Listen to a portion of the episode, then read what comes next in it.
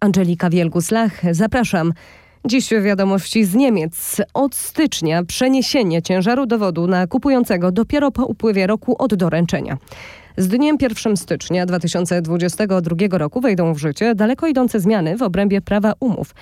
Wraz z ustawą regulującą sprzedaż towarów z elementami cyfrowymi i inne aspekty umowy sprzedaży, Niemcy realizują wymagania europejskiej dyrektywy w sprawie niektórych aspektów umów sprzedaży towarów. Między innymi okres przeniesienia ciężaru dowodu w przypadku wady zostanie przedłużony z 6 miesięcy do jednego roku. Dla przedsiębiorców oznacza to, że jeśli wada wystąpi w ciągu jednego roku po doręczeniu i przekazaniu rzeczy kupującemu, zakłada się, że wada istniała już w momencie zakupu.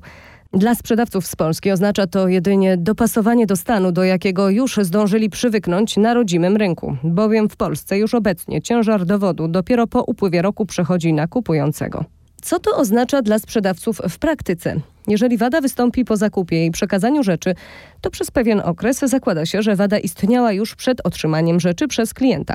Klient nie musi udowadniać, że nie jest odpowiedzialny za wadę, natomiast przedsiębiorca musi udowodnić, że wada nie istniała w chwili przekazania doręczenia rzeczy kupującemu. Jest to zazwyczaj bardzo trudne, a prawo niemieckie uznaje wyjątek tylko wtedy, gdy wada jest wyraźnie spowodowana niewłaściwą eksploatacją.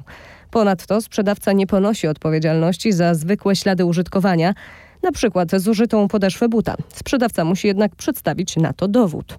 Okres przedłużony z 6 miesięcy do roku. Przede wszystkim dotyczy to przedłużenia okresu przeniesienia ciężaru dowodu. Obecnie w przypadku wystąpienia wady w ciągu 6 miesięcy od wydania towaru konsumentowi zakłada się, że wada ta istniała już w momencie wydania towaru, co może być podstawą do powstania roszczeń z tytułu rękojmi.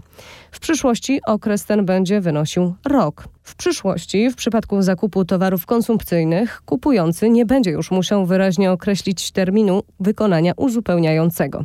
Kupujący może zatem skorzystać z powyższych praw, jeśli na przykład wskazał sprzedawcy wadę, a ten nie spełnił wykonania uzupełniającego w odpowiednim terminie. Wspomniany termin zaczyna swój bieg od momentu zgłoszenia wady, nawet jeśli w zgłoszeniu nie podano terminu wykonania uzupełniającego. Po więcej informacji sięgajcie na stronę e-commerce news.pl.